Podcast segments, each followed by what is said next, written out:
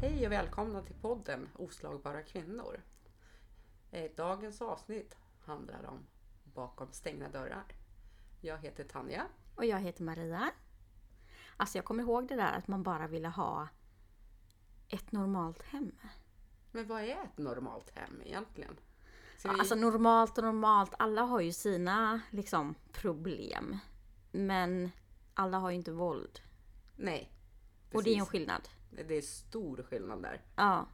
Men jag kommer ihåg liksom när man var ute och gick med hunden eller på promenad och så tittar man in liksom i andras fönster. Och så tänkte verkligen den här drömmen om en kärleksfull familj och ett tryggt hem. Särskilt om man satt och åt middag. Ja. Alltså det, jag tyckte det var så fint. Ja, Men jag man- kunde även tänka, undra vad de bär för hemligheter. Undra om de har samma hemligheter som jag har. Ja, jag tänkte ju mer att vad bra alla andra har det. Ja, nej, jag tänkte inte alltid så. Jag var med det här. Det, jag visste att det finns säkert andra som också lever precis som jag. Att Nej, det- jag kände mig väldigt ensam i hur jag hade det i mitt hem. Den här liksom längtan om att känna trygghet i sitt hem. att- ja, det hade man definitivt inte. Nej, och Hemskt kärlek. egentligen när man tänker efter. Ja. Men båda vi har ju haft relationer innan med våra barns pappa. Ja, Så att man hade ju någonting också att jämföra med. Man vet ju hur en normal relation Mm. har sett ut. sant. Så att där har man ju upplevt det här trygghet, kärlek, som högt i tak, man kan Men nog skratta. hade vi kärlek också med dem, men det var ju liksom det pendlade så fort. Precis. Om man ska tilläggas, det var ju inte bara hat i våra hem. Nej, absolut inte. Nej, så att inte man får fel uppfattning. Det var ju kärlek. Jo, annars hade man ju aldrig stannat. Nej. Men det var ju den här ovissheten hela tiden. Men bara det att få tassa på tå hela tiden. Precis. Alltså, att bara känna av hur det var. Alltså anpassa sig. Känna av stämningen hela tiden. Ja. Gå på helspänn. Och inte få vara sig själv. Nej. Det tyckte jag var hemskt. Ja, det jag var... längtade efter att få vara, vara jag. ja, och kunna slappna av. Ja. För man slappnar ju aldrig av. Nej, man går ju Mm. på helspänn hela tiden. Man var ju sönderstressad eh, konstant. Ja. Jag vet att jag var på massage en gång och massören sa att Lyx. Ja, men det var ju liksom... Jag hade så mycket spänningar. Så den här massören sa liksom att din rygg är som om man ser en tegelvägg. Det är illa Ja. om man tänker. Det är jävligt illa. Hur var det i ditt hem? Åh herregud, var ska vi börja? Nej men alltså, he- vet du vad det sjuka är? Nej. Jag var tryggare på jobbet än i mitt egna hem. Mm. Och jag vet ju vad du har för jobb. Ja, Och det- det är ju ett riktigt utmanande jobb. ja, Det är ju farligt, rent ut sagt. ja, där gick jag ju på, där hade man ju larm. Så man fick ju hjälp på en gång. Ja. Men hemma hade jag ju inget larm. Det var ju ingen som kom, Nej. så att säga. Så du kände dig liksom... Ja, du kunde slappna av mer när du var på ditt jobb. Ja, Trots den höga risken. Jajamensan. Än när du var hemma. Ja, Men det säger ganska mycket. ja. Det jobbigaste var ju när man kom hem. Det var ju som att komma till åskande. Det var som mörka moln som hängde i taket. Och... Alltså man kände ju den här dimman inne i huset. Ovissheten. Ja, var det så för dig också? Absolut, det var det ju. Man visste ju aldrig när det skulle smälla. Nej. Och det kunde vara liksom att jag, jag minns att man vaknade på morgonen och liksom var på bra humör och Jag känner igen det där. ja, man kanske liksom såg fram emot helgen och sådär. Men så det kunde vända på liksom, ja men som en Tio blixt från minuter, klar ja. himmel. Ja, alltså tio sekunder Ja. typ. Och den liksom oberäkneligheten är ju otroligt tärande. Tänk hur fort vi var tvungna att anpassa oss efter den, det humöret. Mm. Alltså det var ju bara som att vända på en slant och liksom, nu ska vi bete oss så här. Ja, och sen också att man liksom tänker, ah, men vad tycker de om för mat? Eller ska jag liksom eh, köpa något nu som kanske gör han glad? Eller städa? Eller Baka. ja, liksom allt för att plisa Ja. och Nej, för fy att fan. undvika bråk och konflikter. Och jag tyckte ju det där var så jobbigt. Jag skäms ju oerhört mycket för hur jag liksom till och med försökt anpassa mina egna barn. Ja, vet, Alltså jag, tycker förstår det, är- jag tycker det är liksom, alltså jag, Men det var ditt sätt att överleva. Alltså all, annars hade du ju liksom kanske inte överlevt. Annars kanske du inte hade suttit här idag. nej men det är ändå liksom, jag har svårt att ens säga det högt men jag kunde ju verkligen säga till barnen att snälla prata inte om, om det här. Liksom saker som jag visste triggade honom. Ja, Och de förstod. För att de vill ju inte heller ha konflikter såklart. nej de ville ju skydda sin mamma. Ja, men det är ju något som jag faktiskt mår otroligt dåligt över än idag. Att jag har utsatt mina barn för det. Ja, Men det är ju förståeligt. Men du får jag menar ju barn ändå- ska ju vara, det ska ju vara högt. Nu idag så är det ju högt i tak hemma hos mig. Jo, det är det. De kan ju liksom säga i princip vad som helst tror jag. Ja. de känner. Och att jag vill att de ska känna sig trygga och fria.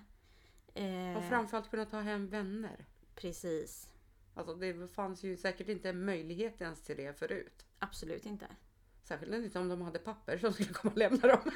Nej, det var ju rena mardrömmen. Ja, det kan jag tänka mig. Det, Jag vill inte ens tänka tanken helt ärligt. nej, det var fruktansvärt för att det var jag som blev straffad. Och jag blev ju också straffad om barnen sa något fel som triggade. Ja, Eller som du säger, om en pappa skulle komma och hämta. ja. Då var jag ju liksom kär i honom. I princip. Gud vad lätt du blir kär Maria. Mm, jag vet. Vi måste ju ändå försöka förklara att det har ju inte varit lätt att leva med de här männen. Att hur mycket egentligen vi har fått anpassa oss hela tiden. För det är ju så svårt att sätta ord på det och försöka förklara det. Ja, det är ju det man verkligen vill få lyssnarna att förstå. Hur mycket det man måste anpassa sig. Ja, men det kan vara bara liksom, får du sms vid fel, ti- fel tillfälle? Och då ändrar man liksom att men då kanske man har den tiden liksom tyst på telefonen. Så att Ja. man märkte att ja, igår var det så. Eller att om man till exempel använder salt i maten och han säger ja men det här är för salt. Ja men då slutar man använda salt i maten. alltså det är de eller- här små grejerna som gör ju att eh, man tänker att nej men det är lika bra att försöka göra det lättare för annars blir man straffad. Jo men bara ens egna åsikter Ja. fick inte man ha. Utan det var ju liksom, ja men det är ju hans åsikt som gäller. Ja, så så skulle du säga liksom, jag tycker om sommaren och han tycker om vintern. och Ja men får då blir det ju en konflikt direkt. Ja, För att jag ska ju- då, då, då kommer inte han ge sig förrän jag också tycker om vintern. ja. Mm. Och då blir det ju liksom att du säger det bara för husfridens skull. Precis. Försöka förklara, eller liksom säga liksom, ja men jag tycker om vintern, ja men det hitta på så här. Ja men det är ju mysigt att åka pulka och det, ja jag älskar att åka skidor och fan jag hatar att åka skidor men Jo men det, det blir ju så med allt. ja. Anpassningar. Och det är det som är så svårt att förklara hur egentligen. För det är också de där mörka molnen som hänger i luften om man har gjort fel. Mm. Alltså man går i en dimma och försöker leta sig ut från dimman. Och den enda kartan man har, det är hans karta. Ja men det är ju som att gå på, på ett glashus. Ja, Helt plötsligt kommer det ju spricka. När som helst. Men du vet ju inte när exakt. och du kommer falla ner i den där jävla gropen. Det kommer du göra. Definitivt. Ja, och du kommer bli straffad för allt du tycker, tänker och känner. Ja. Och då får man äta upp allt som de har samlat på sig också. Det är ju Verkligen. inte bara där och då, utan det är liksom allt annat också som man inte ens tänkt på att man kanske sa fel. Nej, eller liksom. Ja, men nu ser jag på det att du tycker så här, eller du tänker så här. Åh gud, men många gånger har jag fått höra vad jag känner till och med och liksom hur jag tänker och hur jag fungerar. Alltså, Jag tänkte många gånger, "Hur- du har ingen aning vad jag känner i mig. Eller hur jag tänker. Du kan inte läsa mina tankar. Nej. Jag vet att jag ofta tänkte att nog kan han styra och ställa vad jag ska säga. Men han kan inte styra över mina tankar. För Nej, de men är han mina försökte. egna.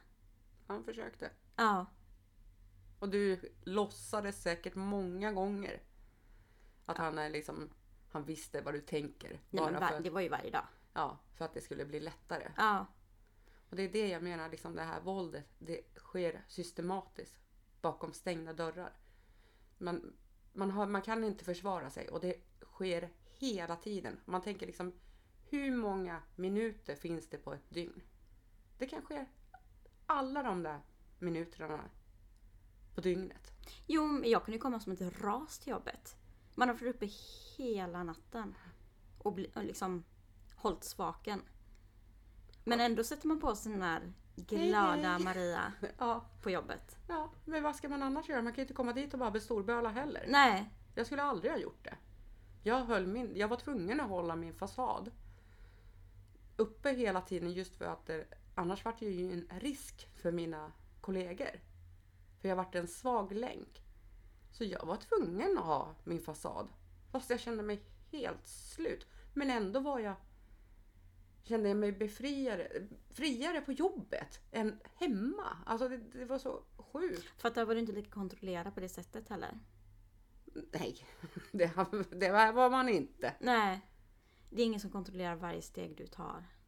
Nej. Den där fick du liksom lite space i alla fall. Jag tog, jag tog många extra pass också. Just för att eh, få jobba. Ja, för men att det komma gjorde jag också. hemifrån.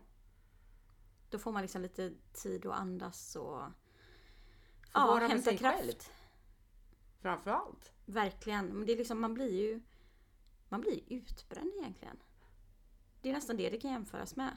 Ja, För man är ju liksom helt slut. Både liksom fysiskt och psykiskt. men jag kommer ihåg när jag kom till kvinnojour. Jag sov de första dygnen. Jag Ja. gjorde inget annat än sov för jag var så slut. Ja. Alltså, jag orkade inte ens hålla ögonen öppna. Jag satt jag på TVn. Alltså jag lovar, det gick 10 minuter så sov jag. Jag sover aldrig på dagen. Jag sover aldrig på dagen. Nej. Men jag gjorde inget annat än sov. Jag var helt slut. Ja. Nej men det, det vet jag att eh, min kontakt på kvinnojouren sa också efter att hon hade läst polisrapporten. Och att vi hade pratat där i kanske ja, men tre timmar eller någonting. Hon bara Ja, du hade ju behövt fyra månader på spa. Ja tack.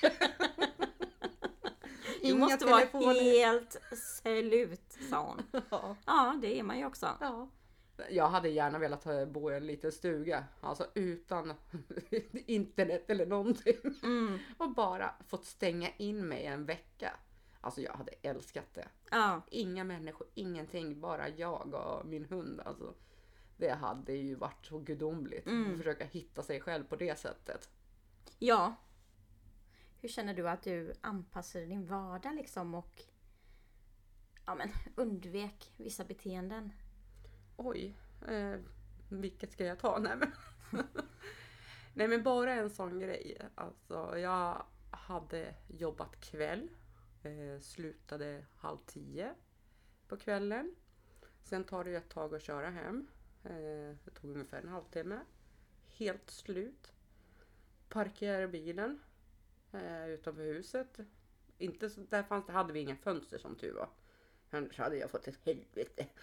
Men jag satt i bilen och tränade på ett leende. Jag tog ner den här sminkspegeln. Testade ett leende. Nej, det såg inte normalt ut. Test, jag testade säkert fyra, fem olika leenden innan jag kunde se. Ja, men det där ser normalt ut. Det ser inte fejkat ut. Och så gick jag ju in till huset. Där liksom, Mm. Hej älskling! Och med det leendet som jag hade tränat. Mm. Helt sinnes. Alltså när du berättar det här så tänker jag bara på, tänkte inte han på liksom att det tog tid då på parkeringen? För där blir jag, där går ju min stressbarometer i taket. men det tog inte tid. Nej det tog inte, det gick Nej, fort. jag är snabb. Ja, Alltså, det- jag tänkte på det hela tiden i bakhuvudet. Att det får inte ta för lång tid. nej precis. Det måste gå fort det här. Nej, det var det jag tänkte. Ja, nej, det var inte så att jag satt där en kvart då, liksom, och tränade på ett leende för då hade jag fått ett helvete. Då hade inte det där det leendet, också. då hade inte det där leendet rä, ge- räknats överhuvudtaget. Nej. Det hade varit onödigt. Nej, för det kommer jag ihåg att man liksom skyndar från jobbet, skyndar från affären, Ja. skyndar överallt. Liksom. Man blir klockad. Det var en jäkla stress hela tiden. Men jag tyckte det var så skönt när vi slutade lite tidigare för jag visste att jag hade extra minuter på mig. Ja, men då är ju det konstigt. Jaha, varför är det hemma så tidigt? Ja, men det, så var det inte för min del i alla fall. Utan Nej. jag liksom, jag behövde inte skynda i alla fall. Jag kunde bara stå, prata med mina kollegor efteråt. Ja, vad skönt. I alla fall, "Äh, ska vi ta en kaffe då? Man, Nej, jag ska med bussen. Och jag bara, fan. Ja, nej det är inte lätt. Vet du vad jag gjorde en annan gång? Nej. För att inte det, jag tänkte att det var så här konstig dag. Jag kände att det var något konstigt i luften. Då satt jag bredvid honom. Och så började jag andas precis samma andetag som han gör. För jag tänkte liksom, då kan inte han bli arg på mig att jag andas på fel sätt. För att jag, han hade ju påpekat det. Herregud. Så jag satt där och andades som han. Och jag var anfådd. Tänk dig att bli andfådd och inte kunna visa det. Mm. Och försöka t- ta ikapp andningen. Utan att han märker det. Aj, då hade jag panik. Jag hade panik och jag Ja. svor över att gubbfan andades ju för sakta för också. Men fick inte du höra det liksom att det var fel på din andning? ja, men han kunde säga att vad är det för fel? Ja. Jag bara, det är ingenting. Ja, men jag, ser, jag hör ju på din andning att det är något fel. Jag bara, men jag andas så här. ja, men jag vet att det är, när du andas så där så vet jag att det är något fel. Jag bara, men... Och jag tyckte att jag hade andats normalt. Jag började faktiskt tänka på hur jag, hade- hur jag hade andats. Men då blir man inte alls stressad. Nej, inte ett dugg va? Nej. Hyperventilera. Nej, det, då hade det varit kaos. Så jag bara hålla lugnet, så att säga. Ja. Men som tur är så jag hade ju lärt mig på jobbet att hålla mitt lugn. Precis. Det bara gäller att ha det hemma också. jag var ganska duktig på det. Alltså hålla lugnet och stänga av känslorna. För grät jag, då gick ju han eh, runt och nynna och sjöng som om eh, det hade varit världens jävla bästa dag. Så det var ju... Nej. Så Man har jag... ju inget annat val heller än att hålla sig lugn. Nej. Och sen kan... Liksom man har inte rätt till sina känslor egentligen. Du har inte rätt att känna det du känner. För att det, liksom, det blir ju fel i alla fall. Mm. Så det är lika bra att försöka vara så likgiltig som möjligt. Jag kände mig som en skådespelare. Så här, Du vet de här clownerna? Man går med ett leende på läpparna hela tiden för att det ska liksom vara så normalt som... Mm. Jag kände mig som en clown. Ja. Med ett liksom målat ansikte. För det var ju inte jag. Nej. Jag var ledsen inombords men mina, min mun log. Men också det här att värme och kyla, eller vad man ska kalla det. Du vet säkert vad jag menar. Ja, ena stunden är det ju kärlek. Och nästa gång är det ett helvete. Mm. Att man liksom... Man kan bli så upplyft, verkligen. Alltså det fanns ingen som kunde få mig att må så bra. Så älskad. Ja, känna sig så älskad och lycklig. Men det är de här topparna. Ja, Med för i honom. nästa sekund trycka ner den Var en till kackerlanda skos- under, under hans skor. skos- skosulorna. Jag fick afasi nu. Ja. Ja. Nej men den var som en kackerlacka under hans skor. Mm. Egentligen. Som man tramp på. En dörrmatta. Ja, torka av sig lite. Ja. För att de hade en dålig dag. Mm, För att de var tvungna att få ut sina känslor. precis. För många gånger liksom, när man tänker i efterhand, det handlar ju egentligen inte om oss. Utan det handlar ju om dem. Och deras mående. För att Ja. de skulle må bättre.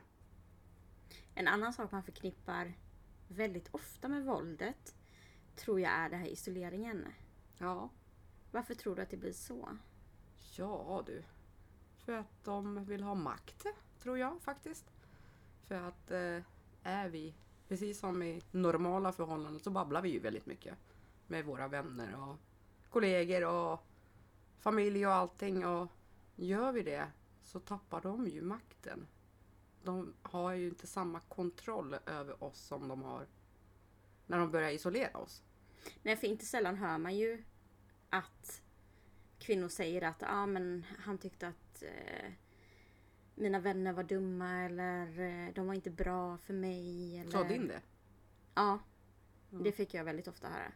Men när jag ser tillbaka på det så kan jag ju känna att det var ju de här kvinnorna, mina vänner då, som ja, man har mycket skinn på näsan och vågar stå upp för sig själva och det blir ju ett hot. Ja, de Från här männen. starka kvinnorna. Ja, och liksom att då blir ju de rädda att bli påkomna också. Ja men det är ju de tappar ju ansiktet. Jo, Om du tänker. Det är, det är liksom inte vi som tappar ansiktet på det sättet. Utan vi känner ju mer skam och skäms ju över hans beteende. Men det, det är ju de som tappar ansiktet helt och hållet. Ja, och de här vännerna blir ju då farliga för att de kanske har en stark åsikt och eh, kan liksom övertyga om en om att lämna. Ja. ja det skulle ju de definitivt göra. Ja, Nu- Tänk dig, skulle inte du göra det om du hörde? jo, hade jag hört någon annan berätta min historia Ja, så hade jag ju självklart sagt lämna. Eller liksom jag kommer göra allt för att hjälpa dig att lämna. precis. Framförallt det sista du säger. Ja, Men jag tror inte jag hade sagt lämna. Utan jag hade försökt lägga fram det här negativa för att jag vet själv liksom när folk sa till mig lämna. Ja, men jag tänkte bara, ja, du, Jag har ingen aning. Ja, nu menar jag inte liksom ordagrant. Nej. Du För det är jag typ det med värsta ord. man kan säga. Det var inte det jag menade. Men jag menar bara att man hade ju liksom verkligen, om inte annat, tyckt att det här är ju en farlig situation. Som Ja. den här personen absolut inte. Och jag kommer göra allting för att hjälpa henne ur den. Ja, men de skulle ju få flytta in hos oss. Ja, och det hade ju blivit liksom ett hot då mot honom. Ja, definitivt. Alla som vill liksom ta en ifrån han. Ja, Isolering är ju ingenting som händer på en natt. nej.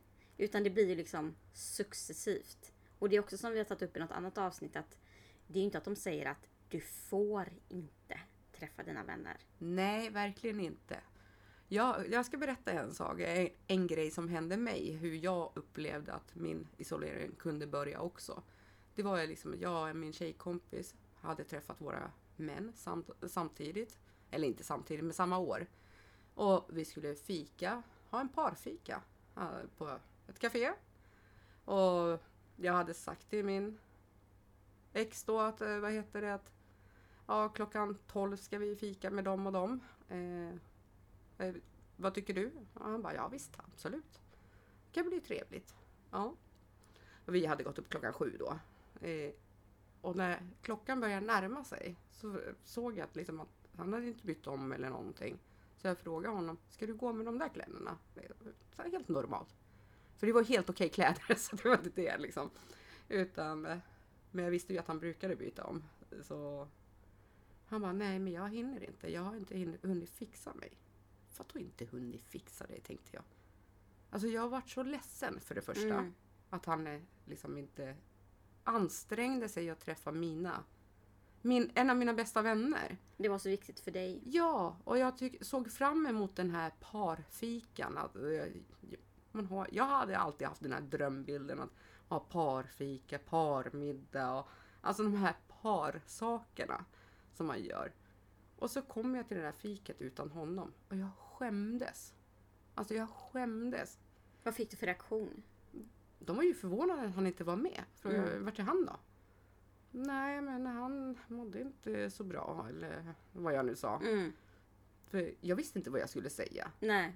Men efter det så fikar jag aldrig med någon. Alltså frågar, frågar de om, ja ska vi fika liksom parfika eller någonting. Jag bara, nej tyvärr vi är upptagna.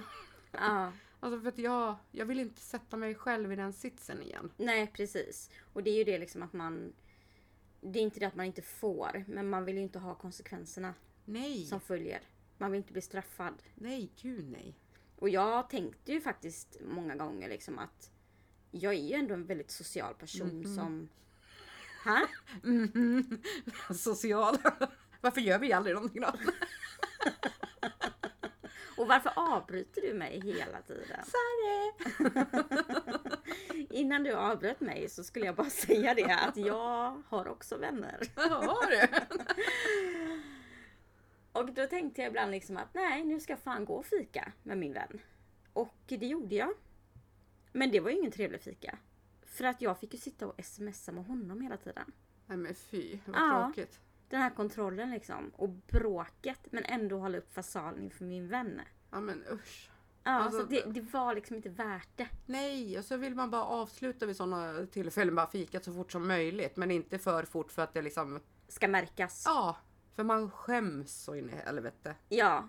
Eller att man liksom... Och sen skyndar man sig hem och sitter här liksom så kallade polisförhöret. Ja, usch. Och den här fasaden är ju bland det farligaste som finns. Du höll ju din fasad så länge också. Jo, jag är ju lite av en expert på fasader. Ja. Det är liksom fasaden är det viktigaste för mig. Man blir en duktig skådespelerska när Ja. man är ihop med de här männen. Jag kommer få en plats på Dramaten en vacker dag. För jag tänkte faktiskt många gånger att jag skulle kunna få en Emmy eller någonting. Ja. Att man inte har fått det. Ja. Vi kanske ska köpa en till oss. Men det är väl någonting som också man har hört tusentals gånger i sitt liv att när det uppdagats att det har varit liksom ja, men ett mord eller liksom en våldsrelation att människor omkring säger att ja, men jag kunde aldrig tro. Ja, precis. Och det är ju Det liksom är att ju fasaden. Det är ju fasaden som folk har hållit upp och det tänker jag att det där har ju bara eskalerat ännu mera med sociala medier. Ja. att både ungdomar och ja, men vuxna ser ju de här lyckliga paren. Men allt så här sker ju bakom stängda dörrar. Och det Exakt. är det som är så läskigt. Men det det är är ju det som är farligt. livsfarligt. Ja, Så att jag tror att får man den här magkänslan att någonting inte stämmer med en person. lyssna på den. Ja, då är det ofta Det är så. mitt råd. Och våga fråga. Ja, definitivt. Alltså det här med civilkurage är ju så otroligt viktigt. Och det är ju någonting som, jag förstår att alltså det har blivit en sån våldsspiral i Sverige så att jag förstår att folk backar och inte vågar lägga sig i. Men det kan ju rädda liv. Definitivt. Man behöver bara kanske vara trevlig mot sin granne ibland för att rädda den grannen. För att det liksom närma sig den grannen och när man vet kanske att det är någonting som är fel. Jag har faktiskt ett jättebra exempel på det här med att störa sina grannar egentligen. Eller inte störa men kanske rädda liv. Jag har en kompis. Hon gick ut och gick med sin hund. När, när, hon, skulle, när hon kom hem så hörde hon Aj, slå mig inte. Hon stannade utanför dörren och lyssnade ett tag. Och hon sa det igen. Hon sa det säkert tre gånger. Hon ringde på. Och han kom och öppna. Bara, för det tog... Han, de öppnade ju inte för första gången när hon ringde. Och hon ringde på och ringde på. Och till sist skrek hon liksom att jag tänker inte gå förrän ni öppnar för jag vet att ni är hemma. Mm. Och då kommer ju mannen att öppna. Och då frågar hon, vad är det som händer här? Nej men det, det är bra, det är ingenting som händer. Hon bara, jag vill inte prata med dig. Utan jag vill prata med din flickvän. För det var ett ungt par. Fan vad bra sagt. Ja, för jag vill, jag vill se henne. Så då kommer ju hon till dörren. Hon såg inga märken, men ändå. Och hon sa till henne, vad heter det, är det någonting så bor jag där. Och det är lyhört här, så jag kommer ju höra. Och han stod ju bredvid där, så jag kommer ju höra om han gör någonting. Så jag kommer ju ringa polisen. På en gång. Jag tvekar inte. Och hör jag en enda gång när jag går förbi här igen med min hund, då kommer jag ringa på igen. Så hon var faktiskt modig och vågade lägga sig i. Ja, men otroligt modigt. För man vet inte hur det hade slutat för den kvinnan annars. Nej. Men jag har, alltså jag har all respekt att folk är rädda eller man vill inte lägga sig i och så. Men jag tycker att liksom polisen blir ju inte arg om man liksom ringer en gång i onödan. Nej, och sen vet du, man kan faktiskt göra en orosanmälan på en vuxen person. Socialtjänsten. Ja. Ja, Mm. så det är bara att göra en orosanmälan i så fall. ja, och jag tycker det är liksom varje vuxen människas skyldighet i samhället Ja, men man kanske Att räddar agera. ett liv. att agera Ja, om man ser att någon far illa. definitivt. Och det är, alltså kvinnor mördas bakom stängda dörrar. Och det händer så mycket bakom de här stängda dörrarna. För man får tänka, hur mycket tid har inte de här männen med de här kvinnorna? Mm, Hur mycket tid hade inte ditt ex med dig? mm, Alltså alla minuter på dygnet. ja. Och kunna liksom utsätta dig för våld på alla möjliga sätt. Ja, och man kommer ju som liksom granne ångra sig. Om man inte gick och knackade en gång för mycket. Ja, tänk att läsa i tidningen. Mm. Alltså jag, kan- man kan ju rada upp hur många kvinnor som helst egentligen. Där grannar vittnar om att de har hört saker. Men inte agerat. Och ingen liksom skuld på dem. Men det är, alltså den här kvinnan lever ju inte idag. Nej, Eller de här kvinnorna. precis. Så att det... Alltså våga. Och är Ja. det, alltså, vågar du inte stå kvar så ja, men knacka en gång och gå då. Eller, Eller, ring om du polisen. inte vågar, ja, gör en orosanmälan. Om inte annat. För alla är ju, all, vissa är ju rädda att ringa polisen också. Men man kan göra orosanmälan anonymt. Det är så enkelt. För alla orosanmälningar måste ju följas upp i alla fall. Ja, verkligen. Så. Men jag tror att det är många som inte vet att man kan göra det på vuxna. Nej, Man tror att det bara är på barn. ja. Men så är det ju inte. Nej. Och sen liksom våga ställa de här frågorna. Jag vågar bjuda en granne på fika kanske. Mm. En kopp kaffe. Hon kanske säger nej ett par gånger men kanske till sist så kanske hon säger ett ja. Ja, eller att liksom, jag har hört vad som händer hos er. Mm. Eller jag ser. Men fråga fram, i så fall påpeka detta när hon är själv Ja, och inte absolut. mannen är med. Nej. För då kommer ju hon bli straffad sen. Ja, Så det måste man vara otroligt försiktig med. Precis. Men eh, är det någon granne som har reagerat liksom, när du, i, di, i din relation? Nej, ingen. Nej, Din då? nej, ingen. Men jag tror faktiskt att det skulle kunna vara... Alltså jag hade skämt så mycket. Jag hade- också skämt. Alltså jag hade dött. För att jag hade ju sån liksom fasad. Ja. Och om den rämnar liksom, alltså jag hade ju velat sjunka genom jorden. Men jag tror, jag tror faktiskt, helt, alltså handen på hjärtat nu. Jag tror att det hade kunnat vara en språngbräda för mig att våga lämna. Jag hade försökt hitta på ursäkter för honom. Om någon, för någon granne. För jag känner ju inte den där. Faktiskt, jag tror faktiskt att jag hade gjort det. Ja men om du om liksom verkligen blir tagen på bar gärning. Och jag hade nog försökt hitta på ursäkter i alla fall. Mm. Men hade till exempel den här grannen varit ihärdig och visat att hon eller han bryr sig på riktigt. Utan att vara dummande. Precis. Då hade det varit helt annan sak för min del. Mm. Alltså då hade jag ju börjat känna liksom att den här människan är äkta. Att den är inte bara nyfiken utan den här människan bryr sig på riktigt om mig. Mm. Då hade det liksom varit helt annan sak. Jo för det har vi pratat om innan, liksom det här med att vara dummande. Det är ju det värsta man kan vara. Absolut. För det är ju bara att liksom putta bort den här utsatta kvinnan ännu, ännu mer. Mm. Men jag minns liksom att jag vågade visa, i slutet var ju detta då, några sms. Eh, första gången jag vågade visa liksom, i uppbrottet där. För en vän. Eh, liksom hot-sms och sådär jag hade fått. Och hennes reaktion liksom som var så... Hon blev så orolig för mig.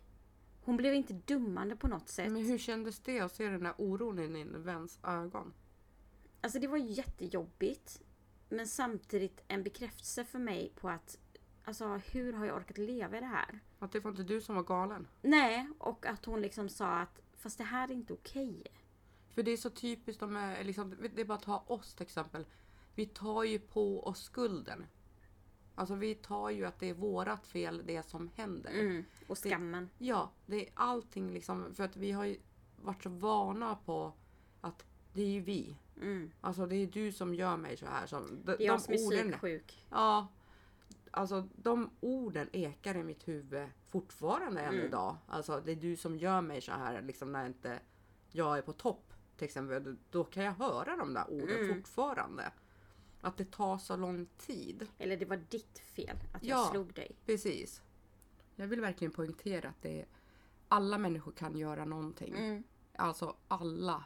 Ute på gatan om man ser någonting, grannar, i affärer. Mm. Alltså bara genom att visa att det inte är okej så gör det så mycket. För det väcker ändå en tanke någonstans innerst inne. Det hade det i alla fall gjort för mig. Om man tänker. Vi spelar väl inte in nu? Jo det gör vi.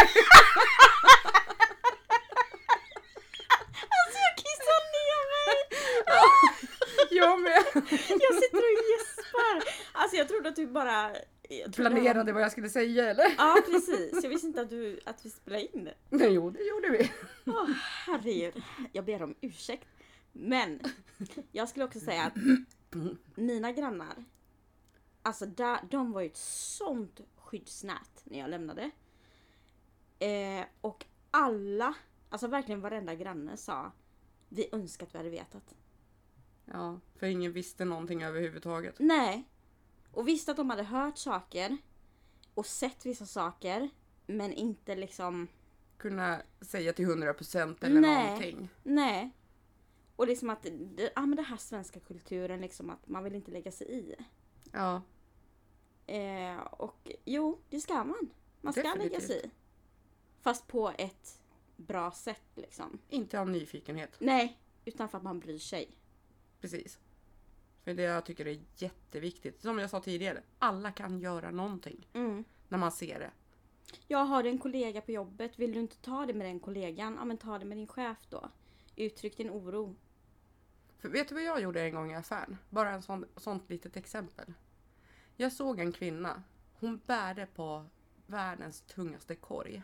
Och mannen gick framför hon, henne. Var helt, alltså, ingen så här svag man utan det, alltså, de var ju medelålder också. Jag gick förbi och bara, vilken gentleman. Så kollade jag. Han tog korgen. Nej. Han tog korgen. Ja, han tog åt sig. Ja, för att jag såg hur hon kämpade med den där korgen.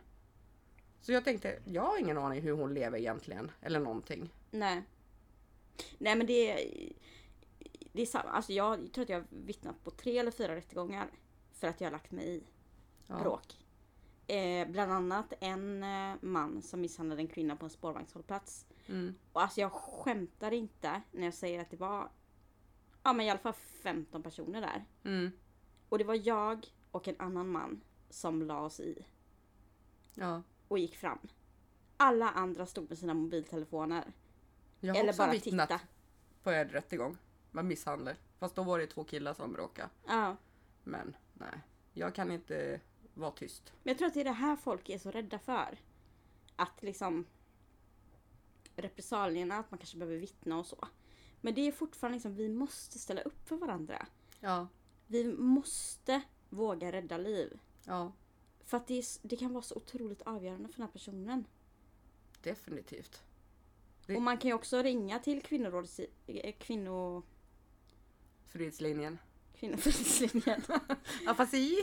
ja. Jag är inte vaken idag känner jag. Nej, jag känner det också. Mm. Tuff och lång dag idag för dig hjärtat. Ja. Men man kan ju ringa och rådfråga dem. Ja, De är ju experter. precis. Så att eh, nej, det, man eh, vågar mera. Helt enkelt. Våga lägga näsan i blött, Mm, skulle jag nog säga. på ett fint sätt. Precis. Fan gud vad jag säger precis idag. Ja, jag har Alltså- tagit mitt ord. Du Jesper och jag bara, enda ordet jag har är det här. Precis. Vilket roligt avsnitt för lyssnarna. Det här är våran podd som går i konkurs. Bakom stängda dörrar.